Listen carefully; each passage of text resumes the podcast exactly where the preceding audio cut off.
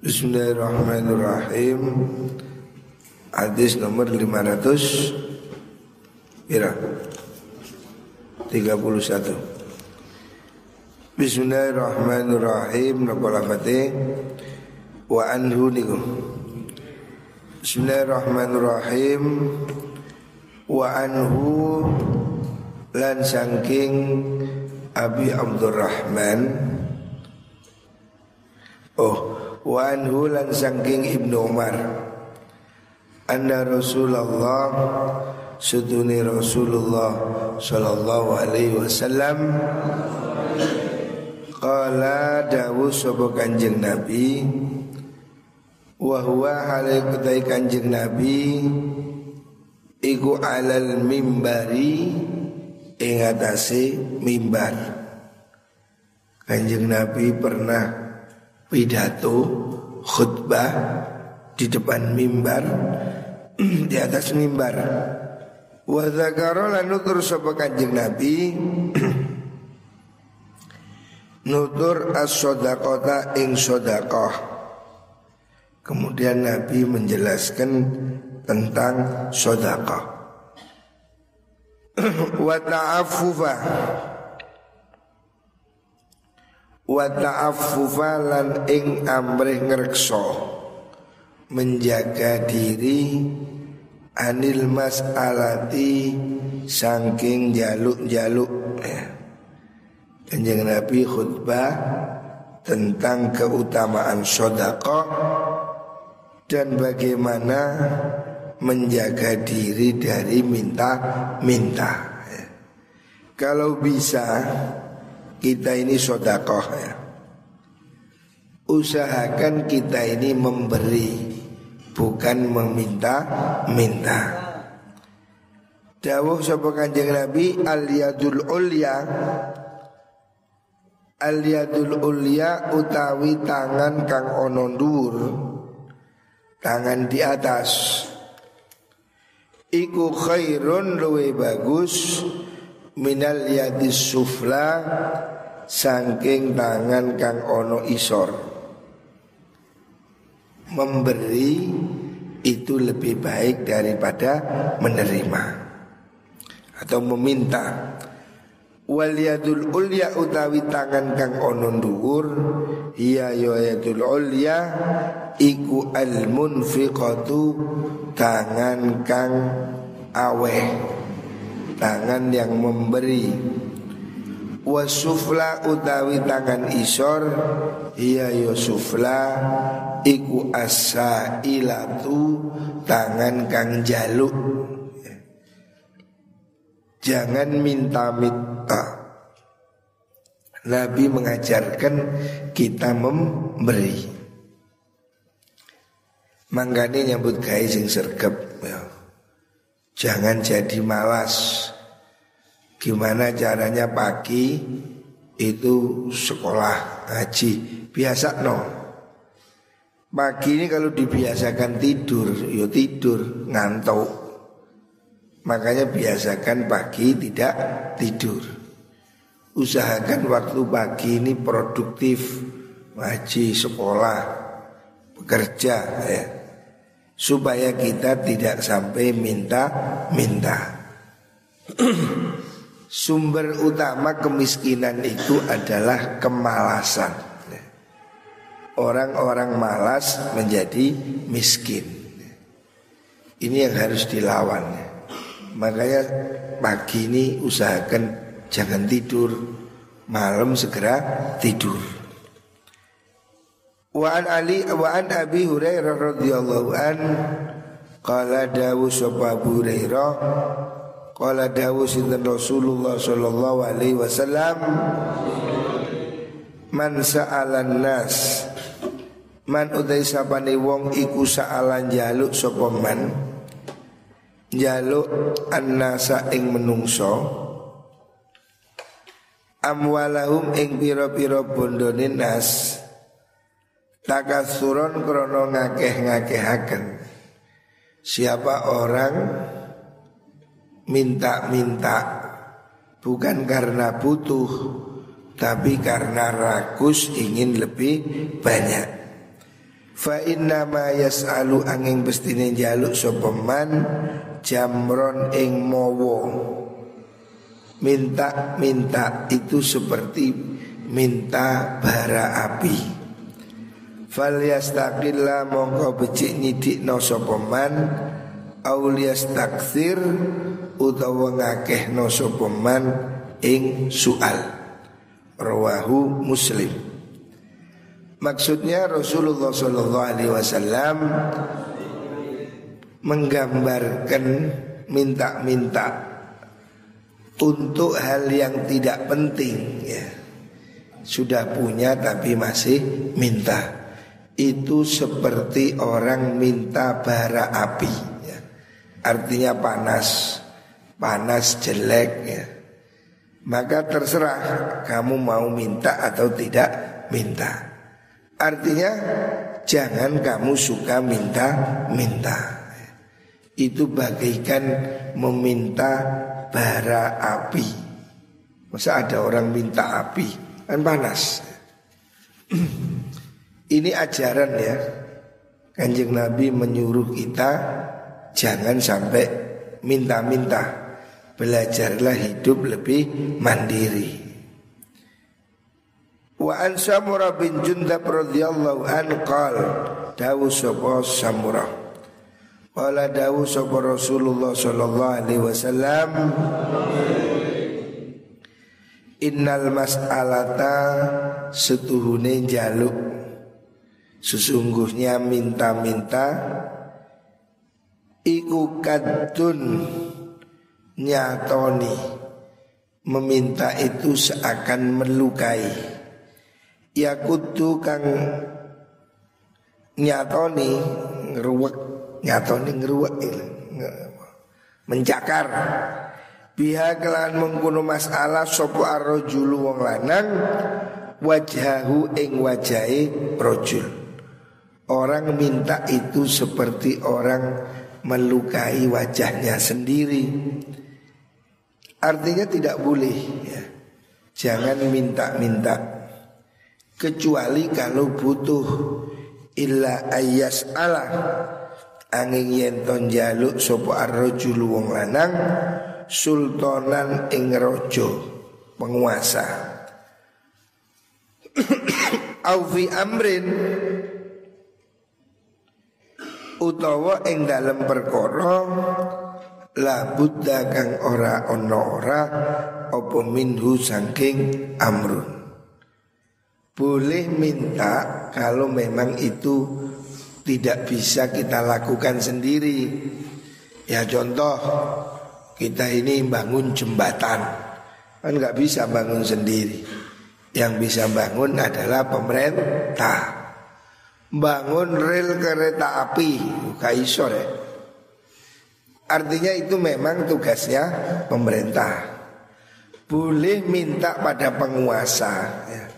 Ya contohnya sekolah-sekolah itu dapat bantuan rehab atau pondok itu boleh Karena memang penguasa, raja, presiden tugasnya membantu rakyat Yang tidak boleh minta-minta secara pribadi Ngemis, mengemis untuk hal pribadi Makanan sehari-hari itu tidak boleh ya. Tidak boleh ngemis kalau tidak terpaksa. Kalau memang terpaksa ya bolehlah. Kalau memang itu sangat mendesak. Ya. Rawal Tirmidzi wa qala hadisun hasanun sahih. Kalau al-qaddu utawi maknanya al-qaddu iku al-khadasu nyatone nyakar. Wadahuhu lan sepadane al kaddu Wan Ibnu Mas'ud radhiyallahu an qala dawu sapa Ibnu Mas'ud? Qala dawu sinten Rasulullah sallallahu alaihi wasallam Man asabahu faqatun fa anzalaha bin nas lam tusadda faqatuh. Rasulullah bersabda man utawi sapani wong iku asobat hu ngenani hu ing man Opo fakotun kemelaratan Siapa orang mendapatkan kesulitan Fa'anzalahu. Mongko ngenggonakan sopoman eh, Fa'anzalaha Nuli ngenggonakan sopoman ha ing masalah Binasi kelawan menungso. Siapa orang punya problem Kesusahan kemiskinan terus dia itu minta-minta pada manusia lam tasudda lam tusadda mongko ora den tutupi apa faqatuhu kemelaratan iman kamu kalau mengadukan kesulitanmu pada manusia tidak akan menyelesaikan masalah. Kalau kamu mengadukan kesulitanmu pada orang Belum tentu orang lain mau membantu Orang lain mendengar kesulitanmu. Kalau itu bukan orang yang betul-betul apa saudara atau teman Dia malah akan menertawakanmu. Jangan kamu suka wadul pada orang apalagi di medsos. Tidak usah wadul-wadul. Apa wadul-wadul? Mengadu sambat jangan sambat jangan ngadu pada manusia. Kita ini ngadu urusan. Kalau mau sambat mengadulah pada Gusti Allah. Hanya Allah yang bisa kita bikin pegangan. Hendaknya dalam setiap kesulitan Kita ini selalu mengandalkan Gusti Allah ya. Dekatkan diri istighosah, wirid, tahajud ya. Kesulitan-kesulitan Seribu kesulitan diselesaikan oleh satu Gusti Allah Tapi kalau kita ini sambat Mengadukan pada orang itu tidak akan jadi solusi. Orang lain belum tentu mau membantu.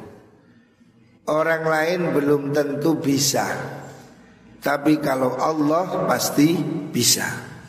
Wa man tasabani wong iku anzalaha nganggonaken sapa man ha ing mengkono faqah billahi kelawan Gusti Allah Siapa orang mengandalkan kesusahan itu minta tolong pada Gusti Allah ya. Kalau kamu mintanya pada Allah yusiku mongko parek cepat sapa Allah Gusti Allah lahu maring man birizkin nulungi kelawan rizki ajilin kang cepet au ajilin utawa kari-kari atau cepat atau lambat maksudnya.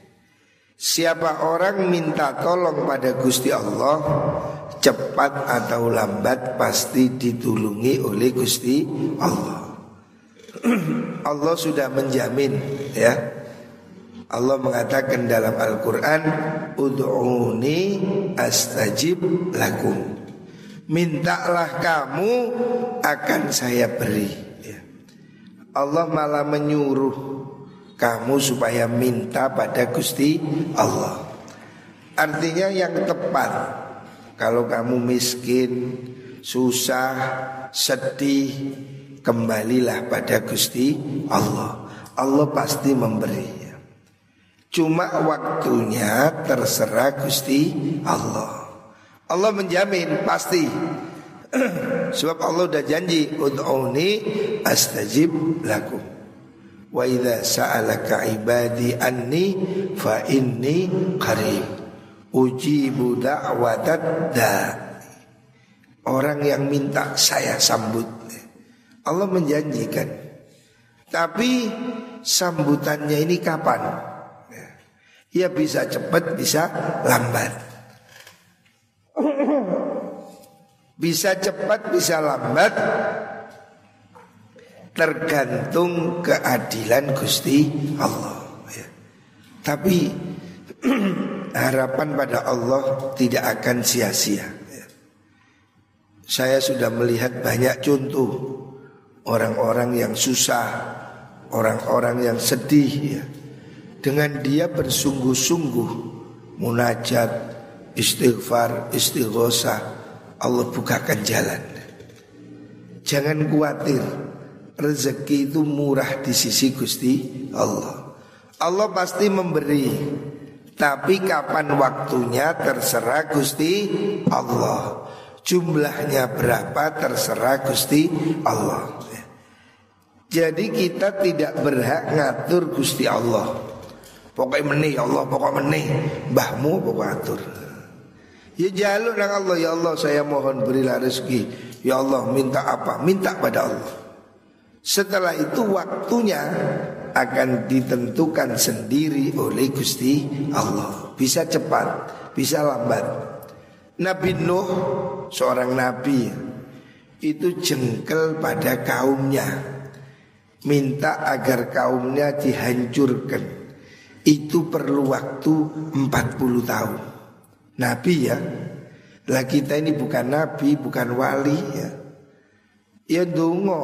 Makanya ayah saya mengajarkan kalau kamu dungo itu usahakan istiqomah tiga tahun supaya kita ini dungo ini ikhlas Oh coba saiki ndonga meneh ora. Jangan. Kalau kamu berdoa, usahakan tiga tahun berturut-turut. Contoh, kamu mengamalkan surat waqiah tiga tahun. Pada lasar namanya. Ijazah waqiah ini kalau tidak malam pada lasar. Pada asar kamu istiqomah baca waqiah 14 kali. Itu lakukan selama tiga tahun berturut-turut Atau kamu istiqomah setiap malam pada maghrib Terus tiga tahun Jangan khawatir Dulu Mbak Iya Mahrus juga begitu. Kalau di Lirboyo itu wiritannya dalail. Kalau tidak dalail Hirzul Jausan. Sama wiritannya tiga tahun. Artinya tiga tahun itu berdoa terus menerus Jangan cuma sebentar. Hendaknya kita ini berdoa dengan khusyuk, dengan ikhlas Dalam waktu yang cukup panjang Ibarat kamu bertamu Kamu bertamu Ketok pintu Dok dok Dok dok Dok dok Suwe-suwe dibuka no Tapi lek dok dok Ya gak dibuka no Tapi lek kok dok dok sak jam Wongnya mesti metu mau dikampleng. Wow, boy ketok-ketok terus. Jadi kalau kamu ketok-ketok pintu terus, pasti dibukakan pintu. Begitu juga pada Gusti Allah.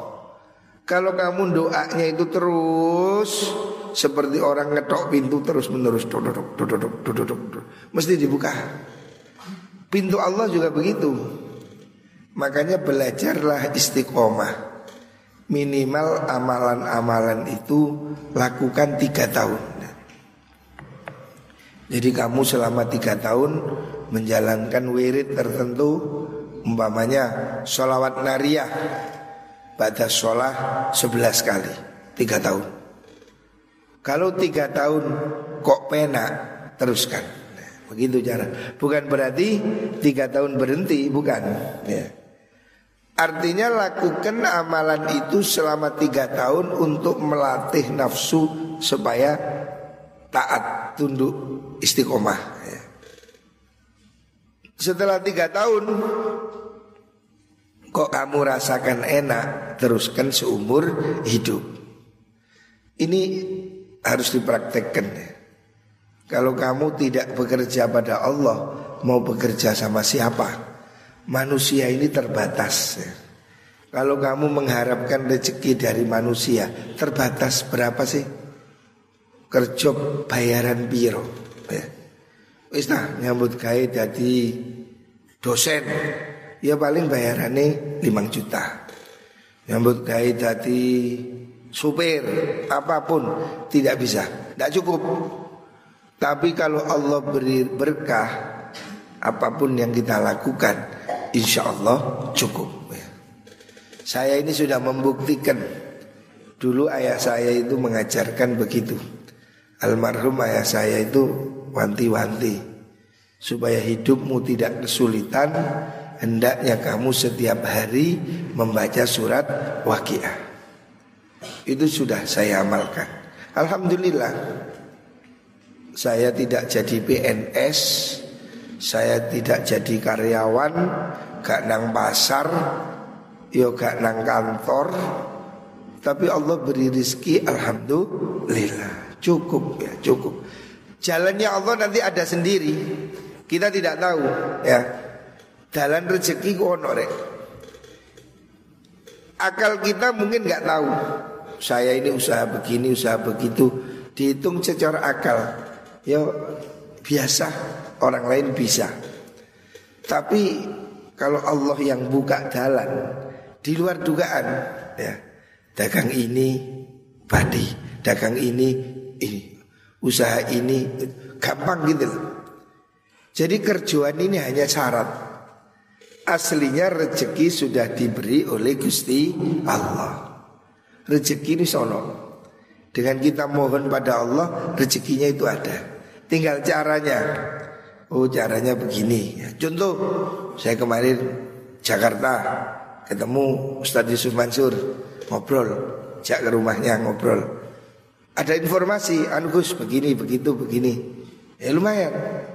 Eh, itu kan contoh. Tidak kita skenario ketemu omong-omong, oh ada informasi. Ya. Rezeki. Itu cara Allah memberi melalui orang, melalui ketemu ini, melalui ketemu itu. Rezekinya aslinya datang dari Gusti Allah. Ya. Kita nggak usah minta-minta ya. Minta-minta pada orang. Nggak banyak kok. Berapa sih? Kita ini kalau bisa nggak minta, kalau bisa kita memberi. Ya. Nanti akan ada jalannya Allah ya. Kalau kita sungguh-sungguh ya, pasti ada. Tapi sing temenan ya, wiritan sing tenan, dungo sing temenan, rezeki insya Allah. Jangan khawatir. Saya yakin, saya sangat yakin. Makanya saya tidak kirim anak saya jadi insinyur Saya tidak kirim anak saya jadi dokter Anak saya saya kirim ke pesantren. Karena saya yakin Saya yakin. Pengalaman hidup saya. Saya sudah mengalami sendiri Bagaimana dahsyatnya suratul waqiah. Makanya saya tidak ragu-ragu. Ada orang tanya kenapa anak saya kok gak jadi dokter? Biarlah. Yang jadi dokter udah banyak. Anaknya kiai banyak yang kepingin jadi dokter Tapi anaknya dokter Tidak ada yang pingin jadi kiai. Suwi-suwi tak kiai? Makanya saya tidak ragu-ragu Anak saya saya kirim pesantren. Saya tidak ingin jadi pegawai Biar tidak usah. Rezeki saya yakin datang dari Gusti Allah. Ya bukti ini yuk. Ya saya membuktikan sendiri. Ya yang saya alami ini alhamdulillah. Makanya saya itu heran. Ada kiai nyuruh orang mondok tapi anaknya orang mondok. Ini ini ndak ndak konsekuen. Ada saya lihat kiai pidato, wae mondok mondok salaf, tapi anaknya sekolah SMA. Ngongkon wong ngaji tapi anaknya gak ngaji. Ini ndak konsekuen.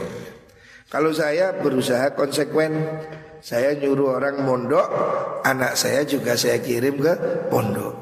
Dan saya yakin Saya tidak khawatir Saya tidak takut. Sebab manusia ini Secara naluri Pasti ya kepingin mencukupi dirinya.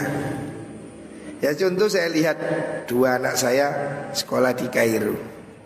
Pulang Ya, saya nggak nyuruh, cuma saya lihat aja apa yang dia lakukan. Dia kreatif dewe. Dia pulang bagasinya kosong, jualan bagasi. Nah, itu kan kreatif. Bagasi ditol, jatah bagasi. Itu sudah cukup untuk dia beli tiket. Balik ke sana juga begitu, jualan bagasi. Lalu saya iki pinter. Dulu-dulu masa orang mikir jualan bagasi. Kita ini kalau naik pesawat terbang kan dapat jatah bagasi 40 kilo. Lalu itu dijual sama anak saya. Dapat duit 1 kilo 100 ribu 40 kilo 4 juta. Loh ya pinter ada saya gini. Coba. Ya saya nggak nyuruh. Artinya nalar orang itu pasti kepingin dapat uang.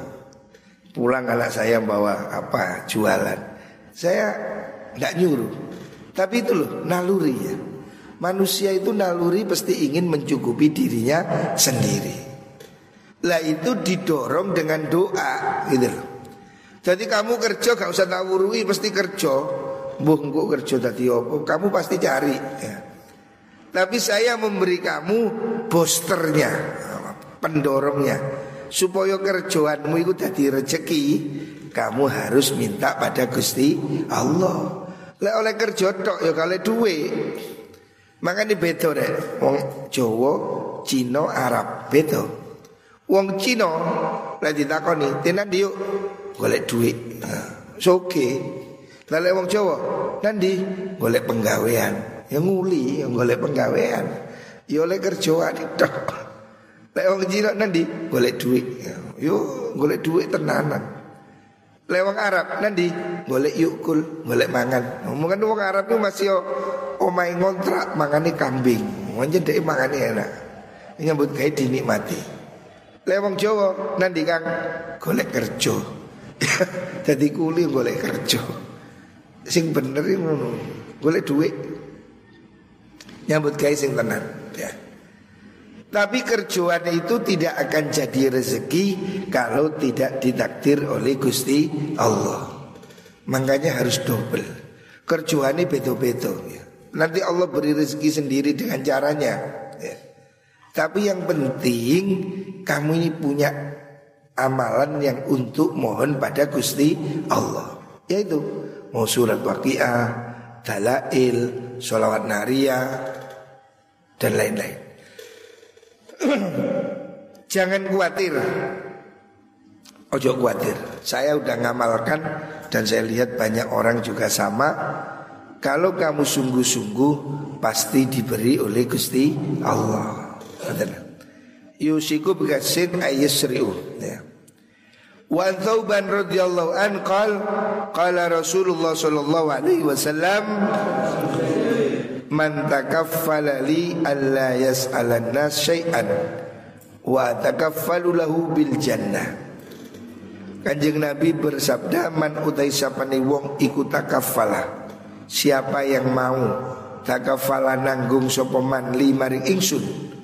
Alla yas'ala ing yen to ora njaluk sapa man annasa ing menungso. Syai'an ing suwi-wiji wa atakaffalu lan nanggung ingsun lahu maring man bil jannati kelawan swarga. Siapa orang yang mau berjanji tidak minta-minta Saya jamin masuk surga. Fakultu ngucap ingsun Ingsun tauban rawi hadis Ana ingsun. Saya Nabi. Nabi menawari Ayo siapa mau jamin tidak minta Saya jamin surga. Sahabat Sauban langsung usul Saya Nabi. Faqala Fagana Mongko ono sopo Sauban iku layas alu? Ora tahu jaluk sopo Sauban Ahadan ing wong suwiji Sayan ing suwiji wiji Rawahu Abu Dawud bi isnadin sahih Ya Nabi pernah sampai membuat sayembara Siapa orang mau janji nggak minta-minta Saya jamin surga jadi tidak minta-minta dijamin surga. Artinya apa? Artinya berarti kita ini harus berusaha mencukupi kebutuhan kita sendiri. Ya apa caranya cegah jaluk menurut Berusahalah bagaimana caranya kita ini tidak sampai minta-minta. Yo nyambut gawe kumang ya. Yo kerja yo ndonga. Kerja tok durung mesti sugih. Banyak orang kerja ya. Kerja wabot contohnya becak. Kerja melek contohnya supir satpam. Ono sing 24 jam. Tapi ya rezekine titik. Warkop pinggir rempong rezekine titik. Ono sing nyambut gawe ini dilu rezekine akeh. Starbucks. Kopi sak gelas sudah ewu. Endang suki. Lah kopi ini nadir siapa itu? Nopal petang ewu. Suki-suki. Jadi kerja ini podo podo dodol kopi. Nopal ya dodol kopi ini di nopal. Ya dodol kopi podo. Starbucks dodol kopi. Tapi kopi ini Starbucks sudah ewu, belum bulu ewu. Ya pada-pada dodol kopi. Tapi kopi ini nopal petang ewu. Pada-pada dodol bakso. Iku delon. Bakso ini nopal be bakso ngarepe sama Rizki Ya gak podo padahal dep-depan. Iku loh rezeki ini dewe Dewe Kerjaan iso ditiru. Tapi rezeki ini Didum karo Gusti Allah Mangkane ya, mangkane ojo ojo usaha lahir tok ya. Ya apa carane? Novel kepingin warungi laris. Ya sholawat nariyai ditambahi. Ben mari sembayang ping 11. Ditambahi napa malih? Oh, ditambahi sholat duha. Ditambahi amalan-amalan istighfar ya. Rezekine teko Gusti Allah. Kerjaane bodoh. Delon warung nelongso. Laris. Warung liane durung laris. Itu menunjukkan bahwa rezeki memang bagian dari Gusti Allah. Makanya ayo ya. Mulai dari pondok. Saya dulu mulai di pondok wiritan. Wakiah wiritan. Sholawat nariyah. Sampai sekarang. Jadi wiritan itu kalau cocok itu lakukan terus Alhamdulillah saya mulai tahun 90-an dijazai sholawat nariyah Sampai hari ini udah 30 tahun ya tetap wiritan sholawat nariyah Surat wakiyah juga begitu. Ayah saya ngajak ijazai saya surat wakiyah Sampai hari ini saya baca. Dan temenan itu terbukti ya. Saya yakin betul. Alhamdulillah. Ya. Ya nih gitu saya ini merasakan Masya Allah Kalau akal saja tidak bisa Ngurus bangunan seperti ini. Tidak tahu jaluk-jaluk. Allah yang memberi Ada aja. Itu contoh nih Nosi teko Gelondong-gelondong. Kak jaluk aku Ono dayo kapolres teko. Delok Bangun apa pak? Oh ini bangun ini Masjid, kamar Oh. Apa yang bisa saya bantu? Nawani ya tak jawab besi langsung teko sak truk. Ya, Gusti Allah kati jaluk, kati surat, kati proposal. Uang itu kok dhewe ini, aku yo gak ngundang. Moro-moro teko. Aku ya bingung lho kok polisi. Oh Pak Kapolres. Monggo Pak. Delok. Bangun apa Gus? Ini bangun kamar, masjid. Oh ya. Apa yang bisa saya bantu? Nah, wong itu wah ya besi langsung. Ikut koyo siake sak truk. Itu contoh rezeki teko Gusti Allah. Ada alumni dari Jakarta. Hampir setiap hari kirim transfer Belazis, segala pondok Tapi dia menyatakan begitu Setiap dia transfer rezekinya tambah Transfer rezekinya tambah Itu pasti namanya Haji Mahmud itu. Hampir setiap hari transfer. Yuk gak gede, rokatus, satus, lima ratus. Jadi dia itu dagang. Setiap hari untung disisihkan, dikirim ke Lazis. Rutin. Lazis itu rutin. Dia paling seminggu dua kali, tiga kali kirim uang. Ya saya nggak minta, tapi dia sendiri bersyukur. Alhamdulillah dapat rezeki kirim, dapat rezeki kirim. Itu loh. Gusti Allah ya. Jangan khawatir. Semua yang ada di bumi Ditanggung rezeki oleh Gusti Allah. Pokoknya kudu percaya. Makanya mari maghrib. Pada maghrib itu jangan ke mana-mana. Perhatikan Pada maghrib Baca Yasin Baca Waqiah Baca Tabarok Baca Rotib. Nunggu sampai waktu Isya Cok nang dindi kamar iki kayak ini tuh kamar B1 B2 tambeng-tambeng. Cok metu. Mari maghrib diem di sini. Di masjid. Baca yasin waqiah tabarok. Ditambah baca rotib. Ada kamar isor barang itu lo semprotan itu itu lo semprotan lo semprotan gulune lakon sikile. Run run. Oh kupingnya ada turun turun jadi ini harus harus kamu yakini ya. Yakinlah semua yang hidup diberi rizki oleh Gusti Allah. Kita berusaha Muka-muka gak sampai ngemis Gak sampai jaluk-jaluk Muka-muka dicukupi karo Gusti Allah. Amin Allahumma amin